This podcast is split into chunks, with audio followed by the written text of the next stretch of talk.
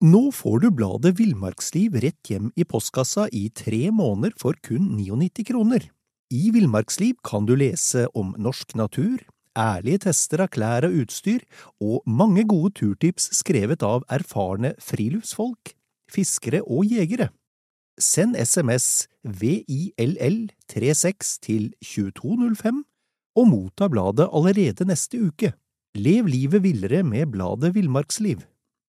Imagine the softest sheets you've ever felt. Now imagine them getting even softer over time. That's what you'll feel with Bowl and Branch's organic cotton sheets. In a recent customer survey, 96% replied that Bowl and Branch sheets get softer with every wash. Start getting your best night's sleep in these sheets that get softer and softer for years to come. Try their sheets with a 30-night guarantee. Plus, get 15% off your first order at bowlandbranch.com. Code BUTTERY. Exclusions apply. See site for details.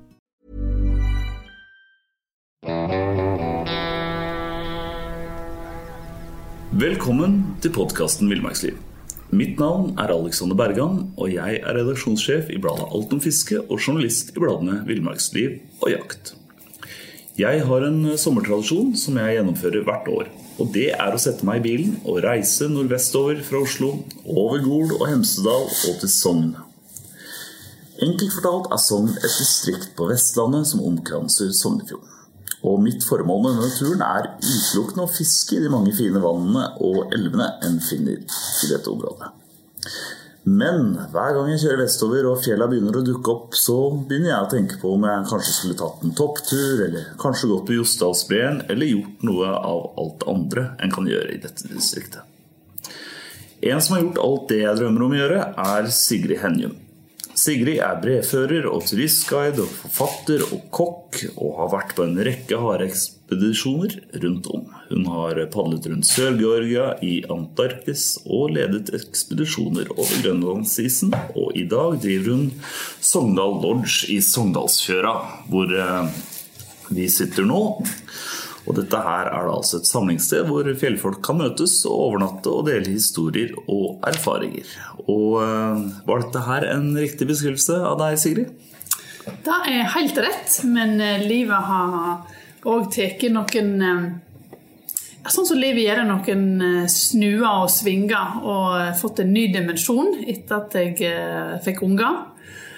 Ehm, så jeg og mannen min, ehm, som da driver Sogndal Lodge i lag, vi fikk da eh, første unge for fire år siden, og så kom akkurat på dagen så kom det en til eh, to år etterpå. Så det er altså det er, bursdag på, det er én bursdag i året? altså? Det er det. Ja. Eh, så det er første gangen i mitt liv at jeg har vært presis, mener familien min. Så det, Nei, så da blir jo ting litt annerledes. Og så um, eh, Vi driver ikke bare med én ting, og jeg driver i hvert fall ikke med én ting. Og sitte i ro og lage podkast er ikke lett, så du får prøve og du får springe etter med mikrofonen. Ja, for du pakker nå til en, eh, en eh, tur over Jostedalsbreen? Ja. Nå uh, møtes kommer uh, seks damer her i kveld klokka åtte og får seg uh, en, litt mat mens vi ser på kartet og sjekker at de har fått med seg alt. Mm. Og, så, ja. klokka åtte i morgen tidlig så er vi klar til avreise. Da drar vi inn i Jostedalen. Og så er det en knallhard første dag med bratt stigning. Og så er det en, eh, kommer det med lørdagen med litt flatere, litt opp og ned. Og så søndagen kommer vi ned til, i fjellene. Og da har man kryssa det på langs eller på bredden? Eller? Ja, En sier at man har gått justen på langs, selv om hvis en skal gå en helt på langs, så må en helt til Stryn og, og liksom starte der. Nettopp. Sånn at eh, Det der er et sånn definisjonsspørsmål. Vi kaller det for josten på langs. vi kaller det for. Ja. Men, eh, så, eh, men, så det var rett beskrivelse. Men jeg har fått unger. Jeg har gått mer inn i helsevesenet, for jeg er sykepleier. Mm -hmm. Det er bare at jeg har er liksom en god pause for det når jeg drev på å starte firma og utdanna meg til breinstruktør og skredinstruktør og alt dette der. Mm -hmm. Så nå driver jeg mer med ambulansejobbing. Så jeg er òg ambulansearbeider. Mm. Så nå er det mest i ambulansen og litt turer innimellom. Men eh, nå gjør det meg litt kostbar, så nå er det bare hvis jeg har lyst og tid. Og hvis jeg kanskje det ofte er litt sånn faste gjester som jeg har hatt før. Eller, ja. Så denne her gjesten som tok kontakt her, det var ei som kjente ei anna som hadde vært på tur og sa kan vi være så snille å få til en tur. Og da blir jeg litt varm om hjerterota. Og så eh, prioriterer jeg hjelp på dette her. Og det, det gleder jeg meg veldig til. Er det, men du er et par turer opp i løpet av året fortsatt, eller er det Altså Nå har jeg ikke finrekna, men jeg sa til noen hin dagen at uh, jeg hadde gått uh, 25 ganger Josten på langs. Ja, nettopp. Uh, så jeg tror at det ikke er så langt ifra sannheten. Ja. Jeg er jo, har jo lært ifra en gammel kar på søstrene som sier at det er ikke noe om du lyver litt så lenge praten går, så det kan jo hende at vi må ta det med en klype salt. Men jeg har ikke finrekna på det. Jeg har vært veldig mange ganger på Jostedalsbreen. Nettopp. Ja. Ja, hvis jeg sier Sogn, hva, det, hva tenker du på da? Hvis du sier Sogn, ja. Sogn er jo heima. Først og fremst heima for meg. Det er heima, og jeg syns jeg er utrolig heldig som eh, kan kalle dette heima. Og heldig at jeg har hele slekta mi, og hele slekta til mannen min er jo eh, ordentlig heimelamp. Det vil si at jeg har ett søskenbarn i Førde. Ellers er resten av gjengen her med tanter og onkler og søskenbarn og hele bøtteballetten. Og det samme gjelder familien til mannen min. Så vi likes og liker å være her. Ja. Um, og så um, syns vi at vi har alt vi trenger. Altså Nå har jo Sogndal blitt liksom litt sånn større, og det, det utvides jo hele tiden. Så en trenger jo ikke, trenger ikke reise til byen for å handle engang. Altså, her, har vi- her har vi alt. ja, det Eh, Men det er nå bare handlingen og én ting. Men vi, har, vi trenger ikke reise noen plass for å finne det aller beste Norge har å by på. Og det er fjord og fjell og bre og klatring og elver og heftige skikjøring og pudder. Og vi har absolutt alt. Så vi tykker vi liksom bor midt i smørøyet. Og det synes jeg jo på alt ifra lodgen til campingplass til hyttebygging i skisenteret til de som tør å starte og bygge nisjeprodukt og avnatting og aktiviteter. Altså folk har lyst til å komme hit. Så um, ja, Men fjord og fjell er vel det som på en måte kjennetegn, kjennetegner Sogn. Men er eh, de som kommer hit, er, de, er, altså er Sogn like fint på sommeren som på vinteren? Eller er det noen årstider som er eh, Altså Vi som styrer litt i guidebransjen, vi, vi kaller det jo for skuldersesong når det liksom er sånn ja, fra april, mai og sånn september, oktober. Liksom, at da er ikke det liksom da er ikke det helt sånn, det er ikke så mye, men altså, det skjer jo noe hele året. Og du som er gira på jakt og fiske, så er jo høstmåneden er jo ja, knall for det, selvsagt. Ja, det. Eh, Men eh, eh, sommeren har eh, breene tilgjengelig, og fjorden og vassaktiviteter, eh, fjellturer. Eh, og vinteren er jo mest kjent for pudder, bra skikjøring, men òg eh, isklatring. ja. Så nei, det er, jeg er veldig glad i at vi har sesong. Så Ja, vi så har, har vinteren, og så begynner vinteren å komme på hell, og så gleder vi oss til varmegrader og sommer, og så kommer høsten, og så er det knallfint, og så begynner vi å glede oss til vinteren. Så Så det er, ja. det er aldri kjedelig. nei, nei det er ikke kjedelig. Er det noen attraksjoner eller naturperler som eh, man må oppleve når man er i området? Det er så mye å velge imellom at um, hvordan skal en begynne? Men um, det klassiske er jo liksom Vi har, vi har Sognefjorden, som er altså verdens lengste isfrie fjord. Like mye å skryte av. Det er en som er lenger, Scoresbysund på Grønland. Men eh, 204 km med fjord, eh, der det er mange fjordarmer som er sine egne perler. Altså Lustrafjorden, Fjærlandsfjorden, Finnabotn, Aurlandsfjorden, Nerøyfjorden, you name it. Det er mange å ta av, som er perler i seg sjøl. Om en har lyst til å gå til fjells og klatre høyt opp for å se ned igjen, om det er Bakkanåsi og Rimstigen inn mot eh, Aurland, eller om det er Meneseidji i Balestrand, eller om det er Melen på Systrand, eller ja, inn i Skjolden. Altså det, det er så uendelig mye å ta av. Så det er fjorden og med så uendelig bratte fjell rundt. midt på fjorden, eh, en plass etter Frønningen, i vegløse grend, eller må ta ferje for å komme over, der ligger Bleia, som er 1717 meter høyt. 1717, eh, oversatt på 1717, ja. Oslo-målet. Oslo ja. um, og der er fjorden over 1000 meter dype. Så det er en dal som nesten er 3000 meter dype. Ja, det er helt utrolig å tenke på. Og da er, er navnet Sogn kommer av soget. Okay. Eh, fordi Sognefjorden går ut og møter Sognesjøen der rett før du kommer ut i Norskehavet. Og fjorden er altså på det djupeste ikke så langt inn i fjorden fra havet, eh, rett utenfor Vadheim Høyanger. Der er fjorden 1308 mm. meter dype.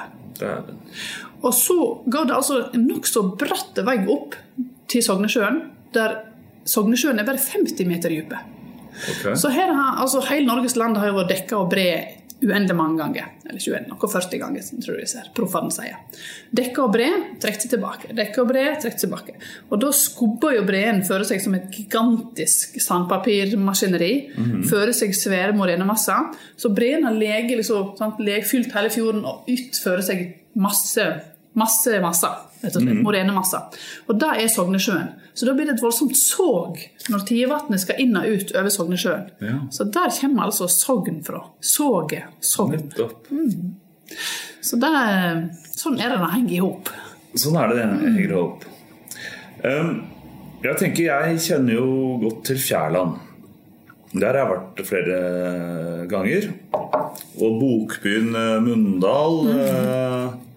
Og det var og jeg tenker Bare fra, fra toppen av hodet, holdt jeg på å si. Det var, det var vel også et sånt sted som var veiløst en gang i tiden? Ja. Eller vegløst er jo litt interessant, fordi at mm. hvis en ser på hvordan eh, bygdene er plasserte, så var jo eh, Nå sier vi at før var fjorden vegen. Mm. Nå er fjorden i vegen. ja, og det er jo, for at Før så kom en med båt. Ja. Sånn at eh, Fjærland var jo absolutt sentralt. De kom jo en båt inn. Men så gikk en jo litt eh, vekk ifra det og brukte mer bil i stedet for. Og da var det jo helst under at Fjærland ikke var så sentralt, fordi du måtte kjøre til Leikanger og Hedle og så ta båten inn. Men så var det vel på eh, jeg skal ikke si helt bombastisk, men i sånn 94 eller noe slikt at, at Fjærlandsvegen kom. Så nå suser du gjennom fjellet i store tunneler, og så mm. kommer du til Fjærland. Så nå er det blitt veldig tilgjengelig igjen. Og der har du jo veldig mye historie, da, som du sier, med Mundal hotell og Bojabreen, Suppelebreen og ja, Nutaren som liksom går rett opp i lufta. Mm. Og så har du den turkise fjorden med Fjelland og ja, noen smågrender utover med Lidal og Romøyri som er ja. ja, for stemmer det der altså Suppelebreen og Bøyabreen. Mm. Og er det en av de stedene hvor det er lettest å komme opp på brenn? Eller, eller er det noe jeg bare har eh, trodd? Uh, Suppellebreen, eller flatbreen som man heter når det liksom går litt lenger ut, den, mm. Den kommer lett og lett. Kjenner en av definisjonsspørsmål. Du må gå nokså bratt. eh, rett opp i nesten 1000 meter. Men den, før du kommer til den er likevel ganske nære når ja, du, står nede. Ser den, du ser den, men hvis du skal opp og gå på den eller mm. ta på den, så må du bevege deg 1000 meter opp på bratt sti. Ja, så den brearmen som er mest tilgjengelig, den ligger i Ostedalen. Og det er der òg eh, ja, mange brearmer kommer ned i ja, mm. lange Jostedalen. Så går innover på østsida av Jostedalsbreen. Mm. Um, er det andre ting? Altså Annet enn disse små stedene? Hvis, hvis, jeg kan spørre deg, hva er dine favorittsteder? Mm. Jeg har bodd i Jostedalen i eh, tre år, mm. så Jostedalen ligger hjertet voldsomt ned. Så um, ta seg en tur inn i Jostedalen og inn i Krundalen, som er en sidedal av liksom, hoveddalen. Mm. Eh, og der kommer Bergsetbreen liksom bratt ned rett imot deg. Eh, og Tuftebreen kommer ned på hi side, og der er, det, der er, det, veldig veldig fint. Så hvis jeg skal si liksom en sånn i perla i Sogn, så er det, så er det Krundalen i Jostedalen. Um, hva, er det, hva, er som, hva, er det, som, gjør det? Er, det? er det det at det er vakkert der som gjør den fint, eller er det Ja, Hvis en kjører innover der nå som den snart nærmer seg sommer, og geitramsen, rosa blomstene, liksom tyter ut på siden, blå breen midt imot, og høye fjell, smale smal liksom, bygdevei inn med små hus i, og, at det, liksom, og da at det faktisk bor folk der som har dyr, og som liksom gjør til at det fortsatt ser ut som det er i drift, mm. er virkelig i perla. Men selvsagt så er det, jeg er ofte styrt av følelser, og jeg sier jeg har bytta det i, i, noen år, så er det jo litt styrt av det òg. Men mm. det er òg Ja, så, så der, Jostedalen er nok en favoritt. Mm. Og fjellene òg er, er, veldig, veldig fint. Men eh, det er vanskelig å si helt favoritt, for eh, det er kjempefint i Aurland òg. Mm. Eh, og det, det, er mange ja, plasser som er fint. Og kommer på Leikanger, så er det jo tropiske forhold. altså Der vokser aprikoser og druer. og alle, Nå er jo liksom fruktblomstring i snart begynt å dabbe av, men sant, midt i mai med den fruktblomstringen, altså mm. ja, Får ikke noe mye finere enn det. Um, jeg har jo kjørt en del uh, gjennom Lærdal. Mm. Um, og, er, og Lærdal er jo et sted som mange kjenner til, selv om det ikke er fra området. Uh, stemmer det at det, det, på en måte er, er frukt- og bærehoveddalen i ja, eh, frukt og bær, men det er kanskje enda mer kjent for pote. Det er liksom, der er det, er det utrolig mye Lærdal frukt og grønt. er liksom et stort eh, mm. ja, firma som da, så de har pote og grønnsaker, men òg frukt og bær, som du sier. Mm. Og Det er jo interessant, fordi Sognefjorden er altså lange, 204 km lange.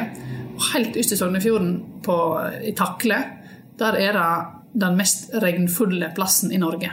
Og Lærdal, som er innst, rett inn, liksom, rett mm. inn vest rett inn øst, der er det faktisk en av de tørreste plassene i landet. Så det er artig hvor liksom regnbygen kommer fra England og detter ned i takle, og så er det nesten ikke igjen noe ting når det kommer til Lærdal.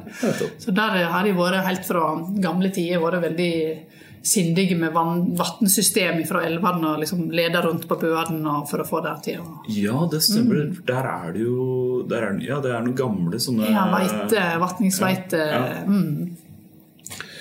Eh, er det andre attraksjoner? Altså, dette her er jo også på en måte litt sånn stavkirkeområde. Mm, ja, absolutt.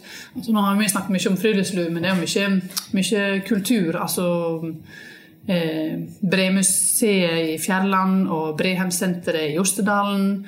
Eh, eh, Bremuseet i Fjærland har nettopp fått en ny film, så den, gleder, den skal jeg ta meg en tur inn i sommer og se. Den eh, så jeg for tre dager siden. Ja, Den var bra. Den var veldig fin. Ja, det har jeg hørt at den var fin. Um, og så er det da alle stavkirkene rundt, ja, og så reiser ned til Solvorn. Solvorn er jo faktisk en favoritt. Solvorn? Solvorn. Kjører Hvor er det det ligger? Mm, fra Sogndal, eh, forbi Hafslo. Og så når du liksom kommer et stykke ned der, så bikker du liksom rett ned til, til høyre. Og der kommer du ned, svinger du ned gjennom, så kommer du ned til et sånn lite paradis med små, fine, hvite hus langs en liten sandstrand. Ærverdige Vallaker hotell. Og så er det stier ut langs fjorden der du kan liksom finne små egne private perler så du kan kose deg. Mm. Men eh, der er det òg eh, eh, tror jeg òg har noe kajakkutleie og litt sånn diverse. Og så kan du òg ta denne her vetle sjarmerende ferja også med plass til tre biler, tror jeg. Mm. Over fjorden til Ornes, mm. der verdens eldste stavkirke ligger. Oi, ja. Nå skal jeg ikke begi meg ut akkurat på, men det er 1100 og innkort. Eh, så den er, den er, verdens eldste, og med noen utrolig flotte utsmykkinger på. Mm. mm. Og så eh, har vi eh, verdens minste stavkirke. Det er jo om å gjøre liksom, å finne sånn pins på forskjellige, sånn at du har noe å ja, ja. skryte. Den ligger jo i Underdal. Og Underdal er litt sånn, litt sånn, i samme størrelse som Solvorden. i bygd med fine hus nedfor fjorden, og, men, og med aktivt jordbruk. Mye geiter. Og lager den berømte Underdalsosten, både hvit og brun geitost. Ja, mm. Så der er det verdens minste stavkirke. Bitte liten stavkirke. Så fortsatt er i drift. Mm. Hvis eh, jeg eh, kommer til Sogn og tar på meg turskoa og pakker eh, en sekk for et par dager Hvilke turer er det du helst ville anbefalt meg da? I, i, altså hvor går jeg ut ifra, og hvor lander jeg, holdt jeg på å si? Og hva mm. ser jeg på veien? Um, jeg tror kanskje jeg ville liksom, Hvis du hadde sagt at ok, jeg tar på meg fjellskoene, pakker en sekk um, Og så eh, skal det styre på liksom, i en ukes tid. Så kommer det an på hvor mye vil du bite over, og hvilken liksom, utsikt vil du ha. og sånn, Men kanskje kunne det vært en idé å starte Inst. Starte Inst i, eh, på Turtagrø, rett og slett. Altså, så hadde du fått en smakebit av Jotunheimen, for Sogn begynner helt inne i mhm. Jotunheimen. Og Horrungaren, som de heter det fjellet som ligger nærmest uh, Turtagrø.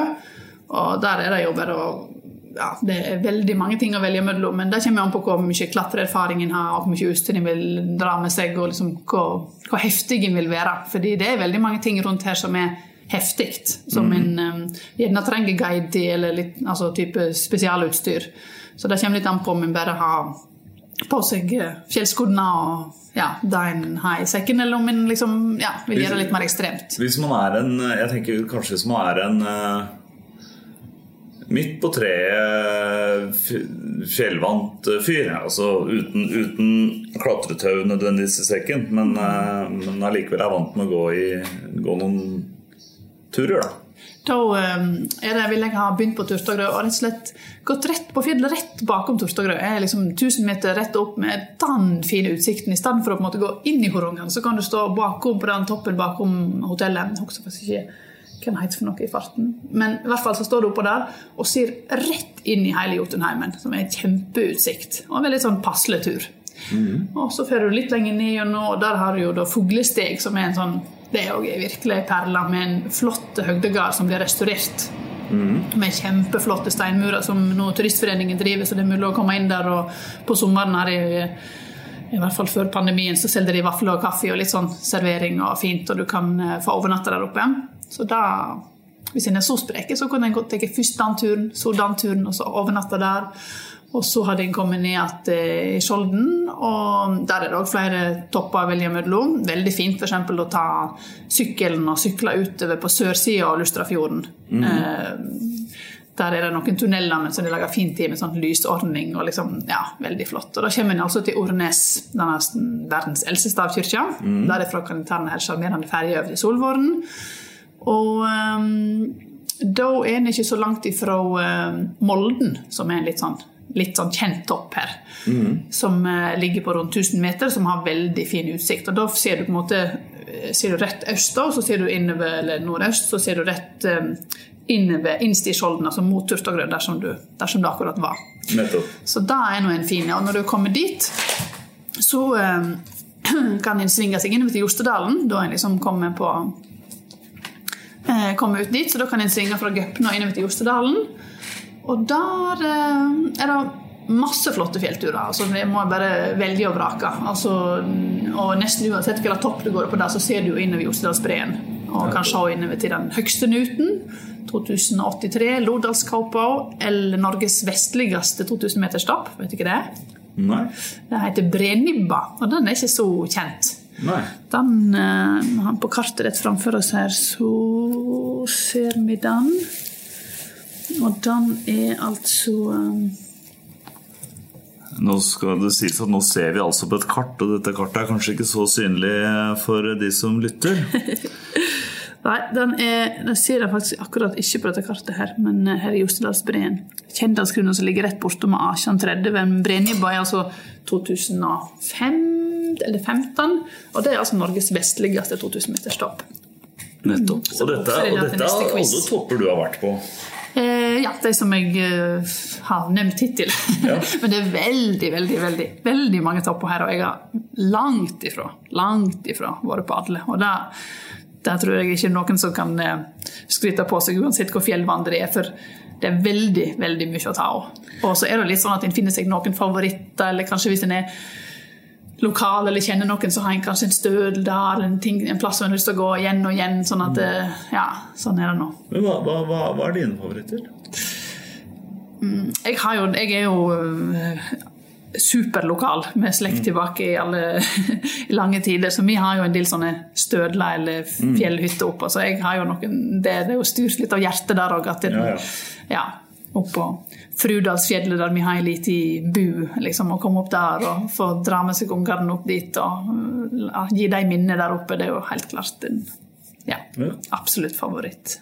Men fortsatt er vi vel ganske langt inn i Sogn? Mm, ja, så hvis en har tatt seg en tur i Jostedalen da, og Om min bare fer litt innover Jostedalen og går opp til Leirdalen og kan gå opp på et kjedelig som heter Hest, som er sånn veldig sånn markert så du ser godt ifra Gøpne. Mm. Så det blir altså på vestsida av selve Jostedalen der ligger det en side som heter Leirdalen med en enorm, enorm demning som de har laga til. Og Der er jo spektakulært bare å gå bortover den. og Da ser en innover på en, en lang brearm som heter Tunsbergdalsbreen. Langt, okay. langt navn han òg. Ja. Eh, og så kjører en litt lenger inn, og så kan en komme inn opp til um, kommer en opp til uh, Fibla, som blir opp altså i um, oh, Nei, nå fikk jeg jernteppe på dalen. Men i hvert fall oppover til Fibla. Um, og Der er det òg ei turistforeningshytte. Eh, og der kan en komme ned igjen i Dalsdalen. Så det er en sånn fin rundtur. Mm. Eh, oppover til Fivla, så hvis en søker på Fivla og DNT-hytta, så kan en besøke den. Og så går tipper en ned igjen via en sånn fin gammel sten i Dalsdalen. Så kommer en òg ned til Lustrafjorden. Så det er en fin rundtur. Og inni Jostedalen så er det jo høgste liksom, fjellet, sånn, liksom, eller mest klassiske kanskje, liksom, både ski og sommer, det er Vangsen. Men det, det er jo det som er dette er jo en evig diskusjon med vasskraft og utbygging og ta og urørt natur, men et fakta er at eh, altså Luster kommune som ligger der inne, er jo en rik kommune og masse vasskraft. og Det ser ut som et, eh, det er et nettverk av veier. Mm. Og det er jo da Ja, en kan jo diskutere det. Men fakta er i hvert fall at en kommer seg høyt til fjells ja. med bil. Ofte kanskje en 50-lapp eh, i bompenger, men en kommer seg høyt til fjells. Ja.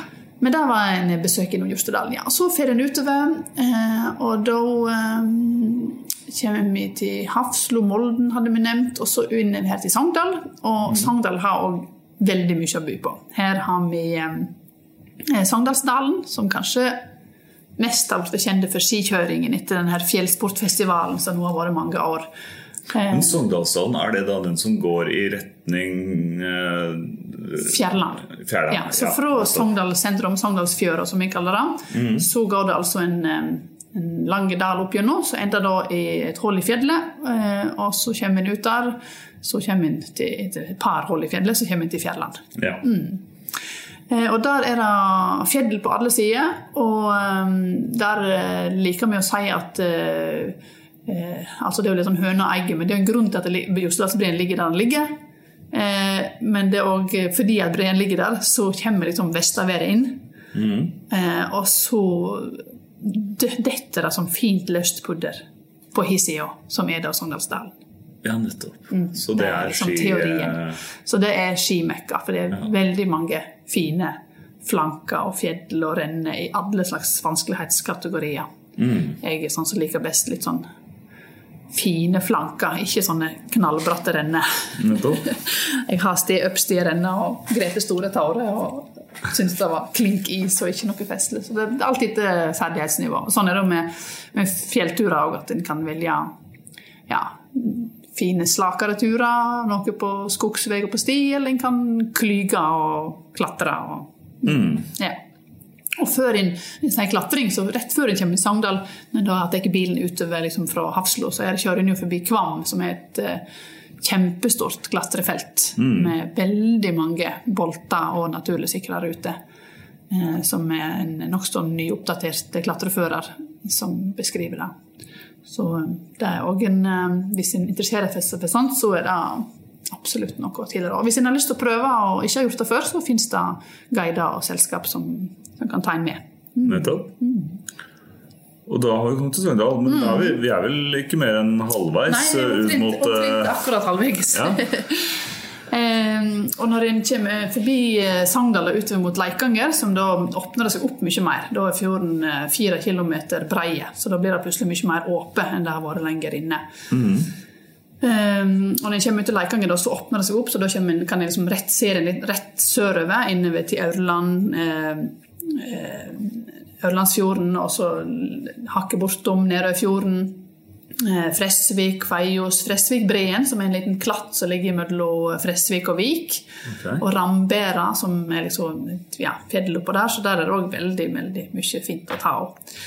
Eh, og Fresvik er òg en, da tror jeg kanskje også ville sagt at det er en plass som en bør besøke. Eh, når en kommer til Leikanger, så kan en ta ferja over til Vangsnes, der Fridtjof-statuen står. Som har litt sånn historie fra keiser Wilhelm, okay. som um, ga denne her som presang fordi at han var her inne på ferie. Eh, nå snakker vi om et årstall sånn rett før andre verdenskrig en gang. Først, ja. Første verdenskrig. Unnskyld. Første verdenskrig. Ja. ja. for han, er, eh, eller han var løst forbindet med, med hele fjorden? Ja.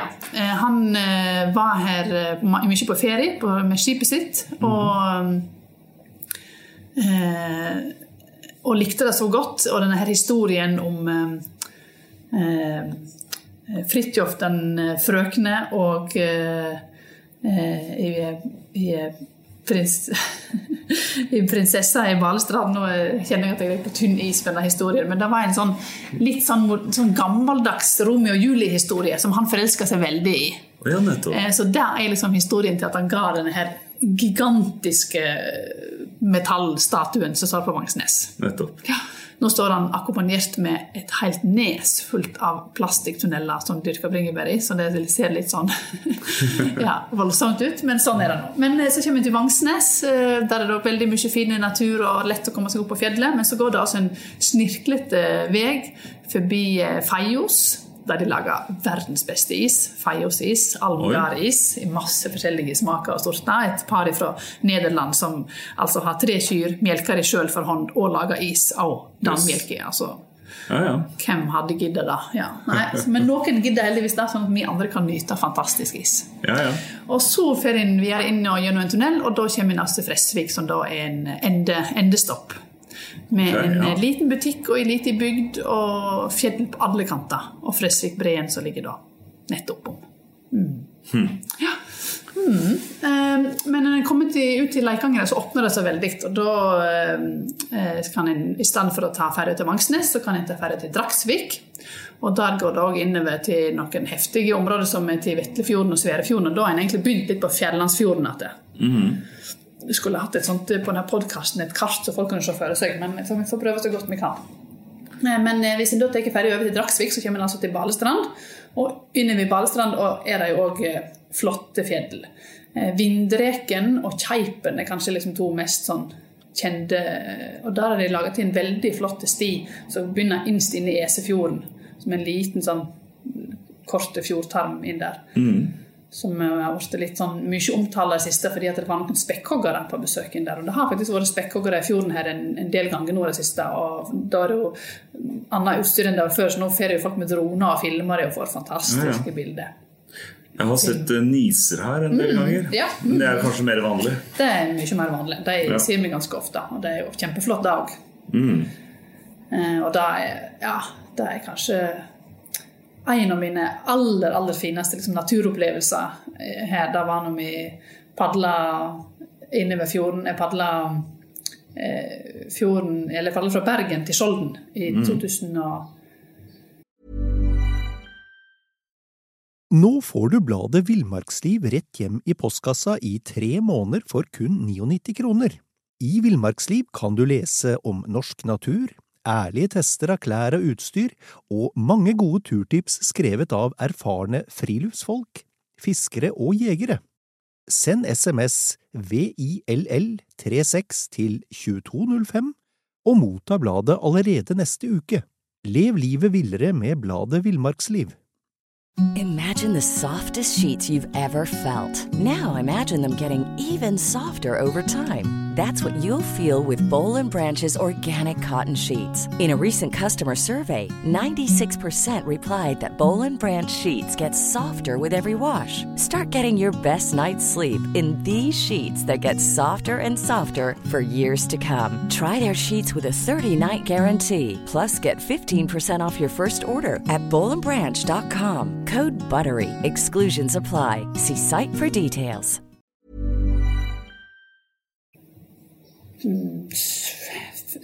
Fem, tror jeg. 2005. Det var egentlig første gang jeg padla kajakk sånn ordentlig. Mm. Så sa jeg til en kompis eh, skal ikke vi bare padle hjem, for du bodde ikke i Bergen. Og så sa han ja, ja, det gjør vi. Ja, Plutselig så gjorde vi det. Så ni dager brukte vi fra å padle fra Bergen og inn til Skjolden. Veldig veldig fin tur. Og midtfjords, da, sånn rett utfor Leikanger, liksom rundt neset der, så kom det altså bare en flokk med niser på kanskje 40-50 dyr. Som bare samla seg rundt kajakken og bare liksom lekte seg rundt. Mm. Nesten strekke ut hånda og ta på en. Og du ser liksom de små, de store nisene og de små som henger litt på sida.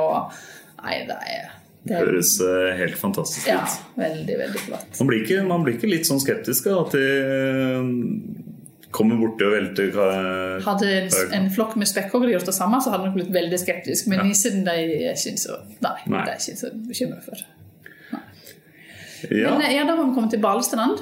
Og der er det mye fint. Høyanger utover. Men der begynner fjorden på en måte å åpne seg opp mye mer. Og du har fortsatt fjell, men uh, uti der har jeg padla mest og vært mest på båt. Der er ikke jeg så bevandra høyt i fjells. Og der uh, flater det litt mer, litt mm. mer ut enn det gjør her inne i fjorden. Nettopp. Mm. Og da er man uh, snart da egentlig ved, ved det åpne hav? Ja, Høyanger og Vadheim og Lavik. Og så ja, Rusjedalsvik er på en måte siste stoppet for ekspressbåten før han liksom bikker nedover til Bergen. Mm. Men har vi egentlig vært nå på oversiden av fjorden? Eller har vi også vært på nedersiden? Eh, ja, eh, Ørland eh, ja. Sånn, Vi begynner sørsida og snakker om på Luster, sånn, så blir det ja, ja, men så litt lenger ut så har vi Ørland og, og Flom og Gudvangen. Mm. Og, og, der òg er det jo Ja, det, det, sier sitt når det er liksom et eldorado for, for folk som hopper base. Så mm. sier det sitt at det er stupbratte fjellsider. og Veldig, men det, det, er flere plasser det er liksom fint tilrettelagt med stier. altså Hvis en f.eks. reiser fra Gudvangen og utover til, til, eh, til, Bakka og går oppover en plass som heter Rimstigen, så er det flott laga til med sti og kjempefint. Ja. Og det samme hvis en eh, i Aurlandsfjorden vil padle utover bare en liten bit. Og der, der har jeg jo veldig business med å legge ut kajakker og guide turer. Til en plass som heter Frognes. Bare er et nes med bitte, bitte liten trebrygge for at de har sauen i land der. Men der er en kjempefin sti opp gjennom. Og, og, alle de stedene du har eh, nevnt nå, eh, det vil jeg anta at der finnes det muligheter for både de som er mindre trent, og for de som er godt trent. Absolutt. Jeg tenkte på en plass som jeg ikke har nevnt, men som òg absolutt må nevnes, og det er Veitastrandi. For når du kommer ut til, eh, til Hafslo, mm. så kan du i stedet for å måte, kjøre forbi Hafsloa inne ved Gaupne og liksom komme lenger inn, så kan du ta ned gjennom Hafslo og så komme inn til Veitastrandi. Og Der er det òg en plass som heter Såget, som er en plass der Veitastrandsvatnet går ned i Hafslåvatnet. Mm. Veldig smalt og fint. Og liksom sånn. Så der er det, er fint både å fiske i Hafslåvatnet og en del som er borti dette soget. Og der er det òg et eldorado for folk som har lyst til å se på fugler. Ja, det, litt sånn spesiell Ja, ja det, jeg, det, skal jo sies at jeg var jo i går og fiska i Hafslo. Det var, det var liksom fuglereservat nærmest her, skjønte jeg. Mm. Så når du drar innover Veitastranda, så eh, er det et, et langt eh, vann som er helt sånn turkisblått. En smale, smale vei som på vinteren som jeg kanskje vil anbefale turister mest å kjøre på sommeren og ikke på vinteren, fordi det er litt utsett. Men det bor jo altså folk der inne, og det øker faktisk på, så de har masse unger på barnehage og skole, så det er jo bare kjempeflott. Mm. Og der inne lager de jo geitost og har gardsdrift, og nå er jo Tungestølen nett sett i stand igjen. Mm. Så den har jeg faktisk ikke vært inne og besøkt etter den var satt i stand, så da må jeg gå og prøve å få til i sommer. Så um, jeg skal ha et sånt opplegg med noen uh, faste gjester som jeg har hatt liksom, mange år på rad. Som vi skal ha et opplegg, og da tror jeg vi må starte på Veitestrandi. Og der er det faktisk en, en, dal som er veldig fin når du går sånn der, altså, der, der, som du sier, det fins for trener og ikke trener. Hvis du er trener, så er det jo veldig fint å gå opp til disse breene som kommer ned, og så opp til Kvitesteinsvarden og komme seg inn på Jostedalsbreen. Alt er mulig. Men en sånn fin sånn passelig tur det er å gå fra Veitestrandi opp til Snaudalen der det er virkelig snøtt. Det er en sånn, en sånn glattbarbert dal bare med noen enorme kampesteiner som er perfekt å buldre på. Så Der har det vært en del folk og pussa med tannkost. altså Det er for spesielt interesserte. Men, mm.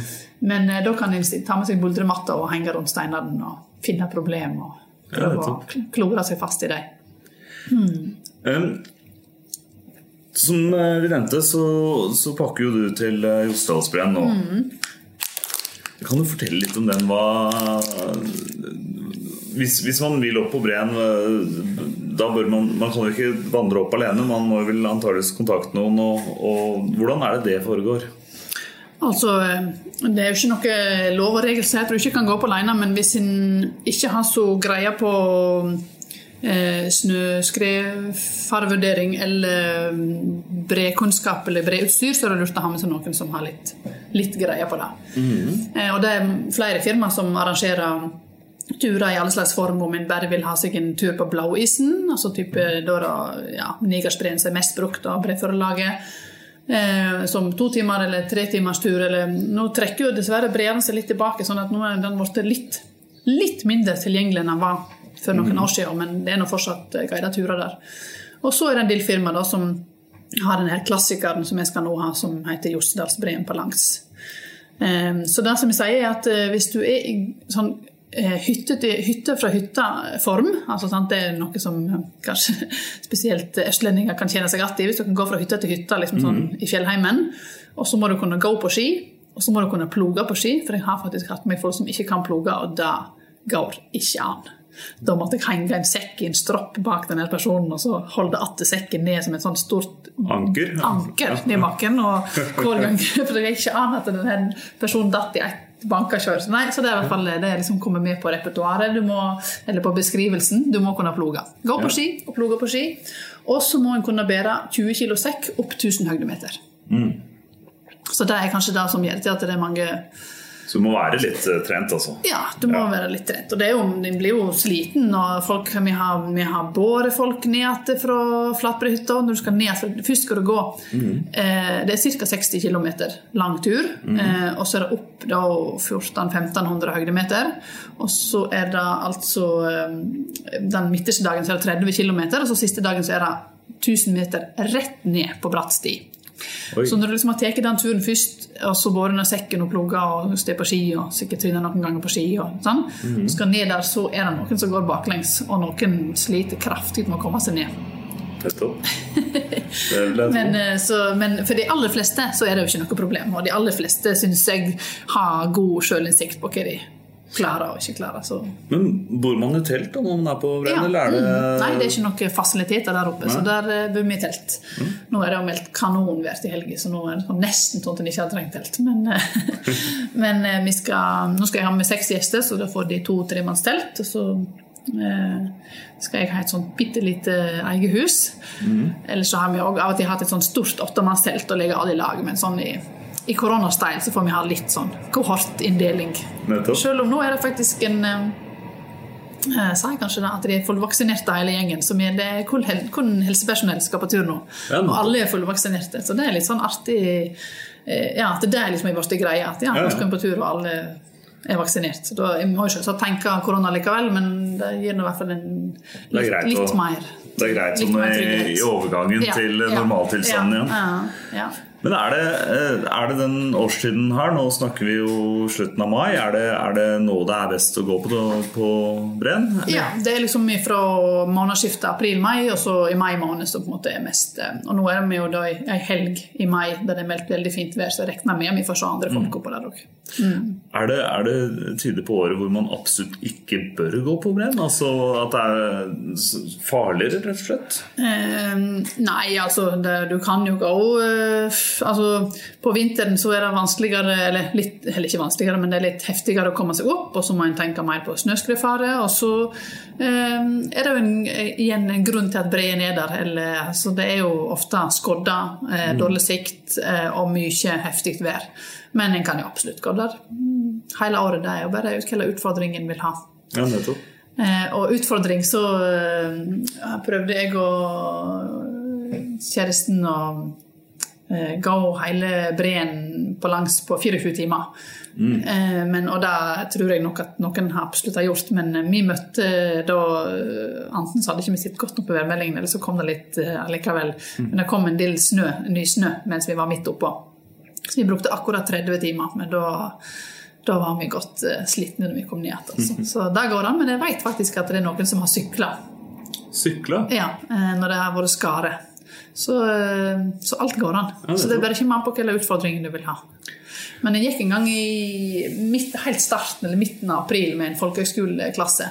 Og da var det svinkaldt, altså. Sånn type ja, 15 minus og stiv kuling. Og da var det mange av disse folkehøgskoleelevene som eh, ikke hadde det så bra. og så er det noe med at eh, når en har drevet på litt i gamet, eller at eh, Kanskje sånn som det er jo noen som da er voksne og har vært litt på tur, men så liksom har råd til å kjøpe seg guidet tur som har litt eh, altså Det er sånn som er utstyr at du får det du betaler for. Så du, det går faktisk an å pakke en 60 liter sekk og ha bitte lite, men veldig godt liggeunderlag. Mm. Bitte lite, men veldig god dunjakke, sovepose og sånn det er. Men hvis når disse her 18-åringene kommer med en sånn 3-4-5 kilo sovepose, sånn, så blir det veldig tung sekk. Og det har mye å si. Ja. En kilo til og fra på ryggen har mye å si på en sånn lang tur. Nettopp. Mm. Er det jeg tenker med fjell og, og isbreer og elver og, og alt sånn um, Det må jo skje av og til en og annen ulykke her, uh, vil jeg anta. Er det noe man bør passe på for å unngå at dette skjer? Eller, ja. Um, ja, selvsagt skjer det uhell og ulykker. Og um, som min litt nervøse tante, som også er veldig sprek, da, var med på Jostadbreen, men hun sa ja, men jeg tårer der og Sigrid, tenk om noen får hjerteinfarkt oppå der. Ja, tenk om de gjør det. Da er det jo en fantastisk avslutning på livet å få lov å dø med skiskoene på. Det var det første. Og det andre er at da skal jeg gjøre så godt jeg kan. Først varsle. Så da, mm. nå på denne turen her så har jeg med meg to nødpeilesendere. Jeg går med en sjøl, og så jeg, jeg eh, gir jeg en til en gjest, som da går som regel bakerst. Og spesielt i de områdene der det er litt sprekker og sånn. sånn at hvis jeg skulle dette oppi, så har de noe å trykke på, for det er ikke så mye dekning. Ja. Eh, så da er det nødpeilesenderen sender jo av gårde sånn at nærmeste hovedredningssentral får et signal og vet hvor vi er hen, og at vi trenger hjelp. Mm. Eh, og enten ha med seg en satellittelefon eller en nødnettsradio eller alt etter hva en har tilgjengelig, sånn at en kan få hjelp. Mm. Eh, og det er noe sånn her at enten så kommer det et helikopter og kan hjelpe, eller så kommer det noen kanskje gående opp og kan hjelpe. Men i, i all hovedsak så må en jo prøve å ha med seg eh, folk som er friske og som har en viss sjølinnsikt. Og hvis en ser at en har bomma på det, så gi seg i tide, sånn at en ikke pusher det for langt. Mm. Um, og da er det jo veldig gunstig å være sykepleier og ambulansearbeider og ha med seg et uh, førstehjelpsskrin som, som uh, funker. Og uh, ja, gjøre så godt en kan. Ja. Be om hjelp og gjøre så godt en kan, og så kan ikke gjøre noe annet enn det. Og det er nå en, en, risiko å ta det og ha med seg folk. Og... Men nå var det jo, var det jo seks Helsearbeidere. Jeg er ikke sikker på om de er sykepleiere eller leger. Jeg tror vi skal være ganske godt dekka uansett på denne ja. turen her, så det, det er bra, da. um, er det andre typer uh, actionsport, uh, altså sånn rafting og sånne ting man kan uh, gjøre i sånn? Mm. Eh, Jostedalselva er jo kjent for rafting, og inne i Skjolden har de drevet en del med det. Eh, elvepadling sammenleis. Sogndalselva er jo litt sånn kjent for å være veldig fin elvepadling, men det har òg vært en del stygge ulykker, dessverre. Så en, en, skal i hvert fall ikke hive seg ut i det uten å vite hva en driver med. Det, um, og så har de jo fått ei, ei eh, sånn lang, flott zipp-line inn i Flom.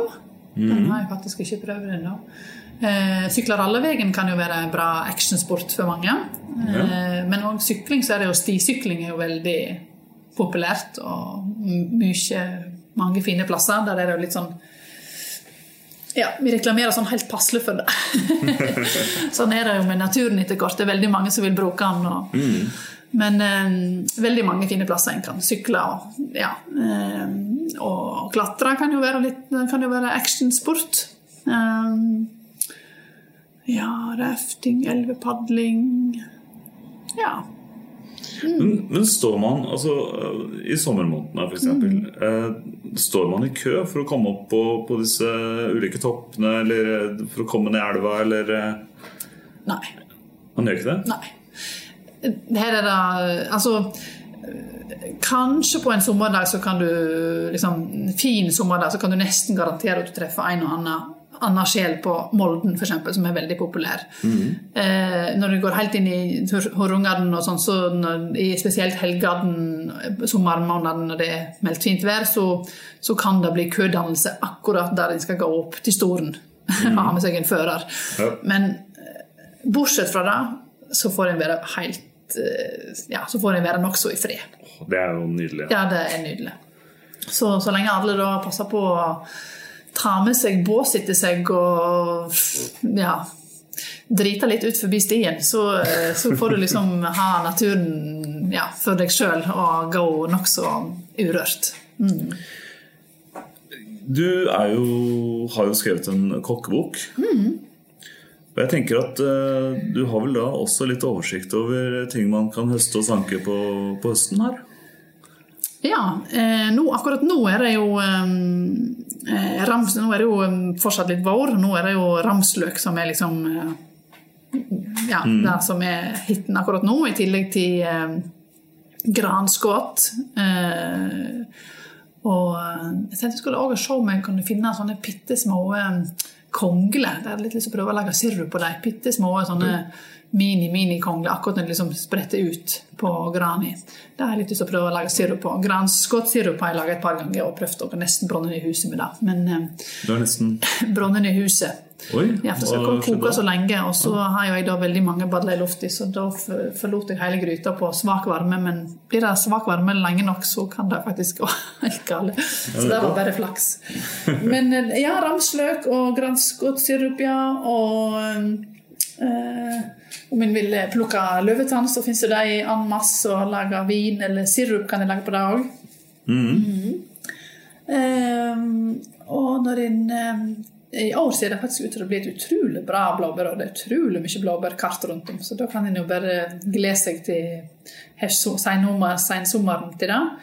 Eh, ellers så har vi jo en del moltemyrer rundt om. De er jo selvsagt strengt, strengt hemmelige. Mm. Men eh, molte og masse tytebær er utrolig flotte furuskog borte på Kaupanger og de områdene der med masse tytebær. Eh, og blåbær er, er, mange plasser, og mye òg. Så blir det spennende å se om det blir et soppår i år. Eh, det kan være enorme mengder med sopp rundt om. Eh, ja. Mm. Ja. Vi har mye. Mye å ta av. Og det, er, og det er mest fjell og ikke så mye folk, så det er nok til alle. Ja, er det sånn at du ønsker eh, folk fra andre deler av landet velkommen til Sogn? Ja, det gjør vi, det gjør vi absolutt. Og så hender at vi holder noen perler eller hemmelige plasser for oss sjøl. Men eh, det er jo blitt litt sånn med sosiale medier at eh, ting som ja, En liker liksom å skryte litt av det en gjør mange. Og da får de andre vite om det òg. Men eh, nei, her er det god plass, så alle er velkomne. Det er flott. Da tenker jeg at eh, vi får bare avslutte med å si velkommen til Sogn. Velkommen til Sogn. Takk for praten.